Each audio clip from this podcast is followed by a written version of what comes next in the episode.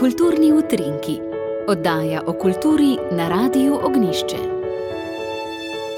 Dragi ljubitelji kulture, lepo zdrav! Pokrajinski muzej Ptuj Ormož, ki letos obeležuje 130-letnico delovanja, je v lanskem letu naštel dobrih 66 tisoč obiskovalcev, največ na Ptujskem gradu, s katerim upravljajo ob še nekaterih galerijah in muzejih obeh mest.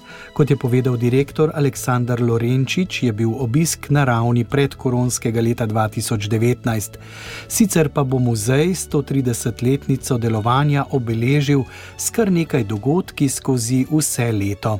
Direktor Aleksandar Lorenčič. V letošnjem letu muzej eh, praznuje, obeležuje 130-letnico delovanja. Eh, pred nami so številni projekti, številni dogodki, skozi vse leto se bodo vrstili.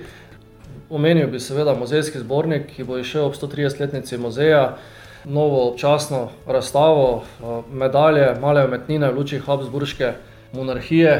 Ta razstava bo rezultat pravzaprav zbiralne politike muzeja od ustanovitve naprej, šlo pa bo pravzaprav za predstavitev po tematskih sklopih eh, medalj eh, od 17. do 20. stoletja z področja nekdanje eh, Habsburške monarhije.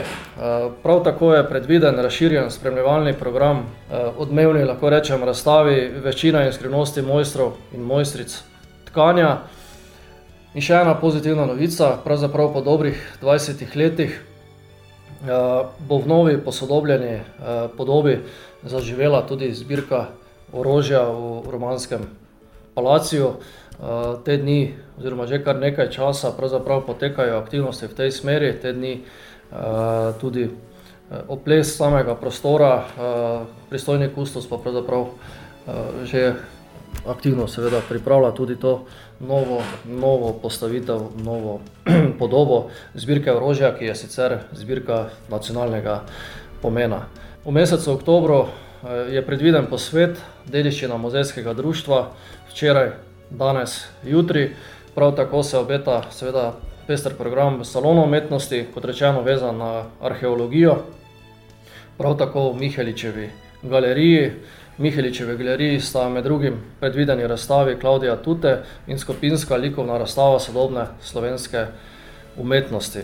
Omenil bi še slavnostno akademijo eh, s spremljevalnim glasbenim programom in ostalim, ki bo 22. septembra ob 19. uri v slavnostni dvorani Ptujskega gradu. No, dobra novica za pokrajinski muzej Ptuj Ormož pa je prišla z Ministrstva za kulturo, ki načrtuje celovito obnovo grajske žitnice. Tam naj bi svoje mesto končno dobila bogata ptujska arheologija. Tudi o tem direktor pokrajinskega muzeja Ptuj Ormož Aleksandr Lorenčič. Te dni smo dobili uh, informacijo, da Ministrstvo za kulturo načrtuje zagon projekta celovite obnove objekta Grajska eh, žitnica. Lahko povem, da, eh, da so se aktivnosti v tej smeri že eh, pričele, kar seveda je jasno, sama prenova je zagotovo utemeljena v več pogledih. Na eni strani seveda so prostorske potrebe muzeja znane, Seveda, na drugi strani pa bi to, vrst, to vrstna institucija, oziroma bo to vrstna institucija, zagotovo imela tudi multiplikativne učinke, ne samo za eh, razvoj in delovanje muzeja, eh, za to kulturno področje, področje kulturne dediščine, ampak verjamem, da tudi za um, ostala področja, turizem, gospodarstvo, uh, zagotovo, kolikor bo seveda prišlo do realizacije tega, te investicije, tega projekta, zagotovo bo šlo za dodano vrednost ne samo tega lokalnega okolja, ampak uh, za investicijo, ki bo ne na zadnje imela ali pa predstavljala neko dodano vrednost tudi na nacionalni uh, ravni. Zdaj pa še novici iz Narodne in univerzitetne knjižnice. Ob zaključku Plečnikovega leta je išla nova knjiga dr. Damjana Prelovška, posvečena Narodni in univerzitetni knjižnici, eni najpomembnejših stvaritev v arhitekturnem opusu mojstra Jožeta Plečnika. Bogato opremljena monografija na 280 straneh prinaša analize predhodnih študij, načrtov prejšnjih variant, izvedbenih načrtov, skic, fotografij, gradnje in sodobne podobe knjižnice. Avtor je v knjigi prvič zbral in na enem mestu predstavil obsežno in zelo dragoceno gradivo o zgodovini stavbe.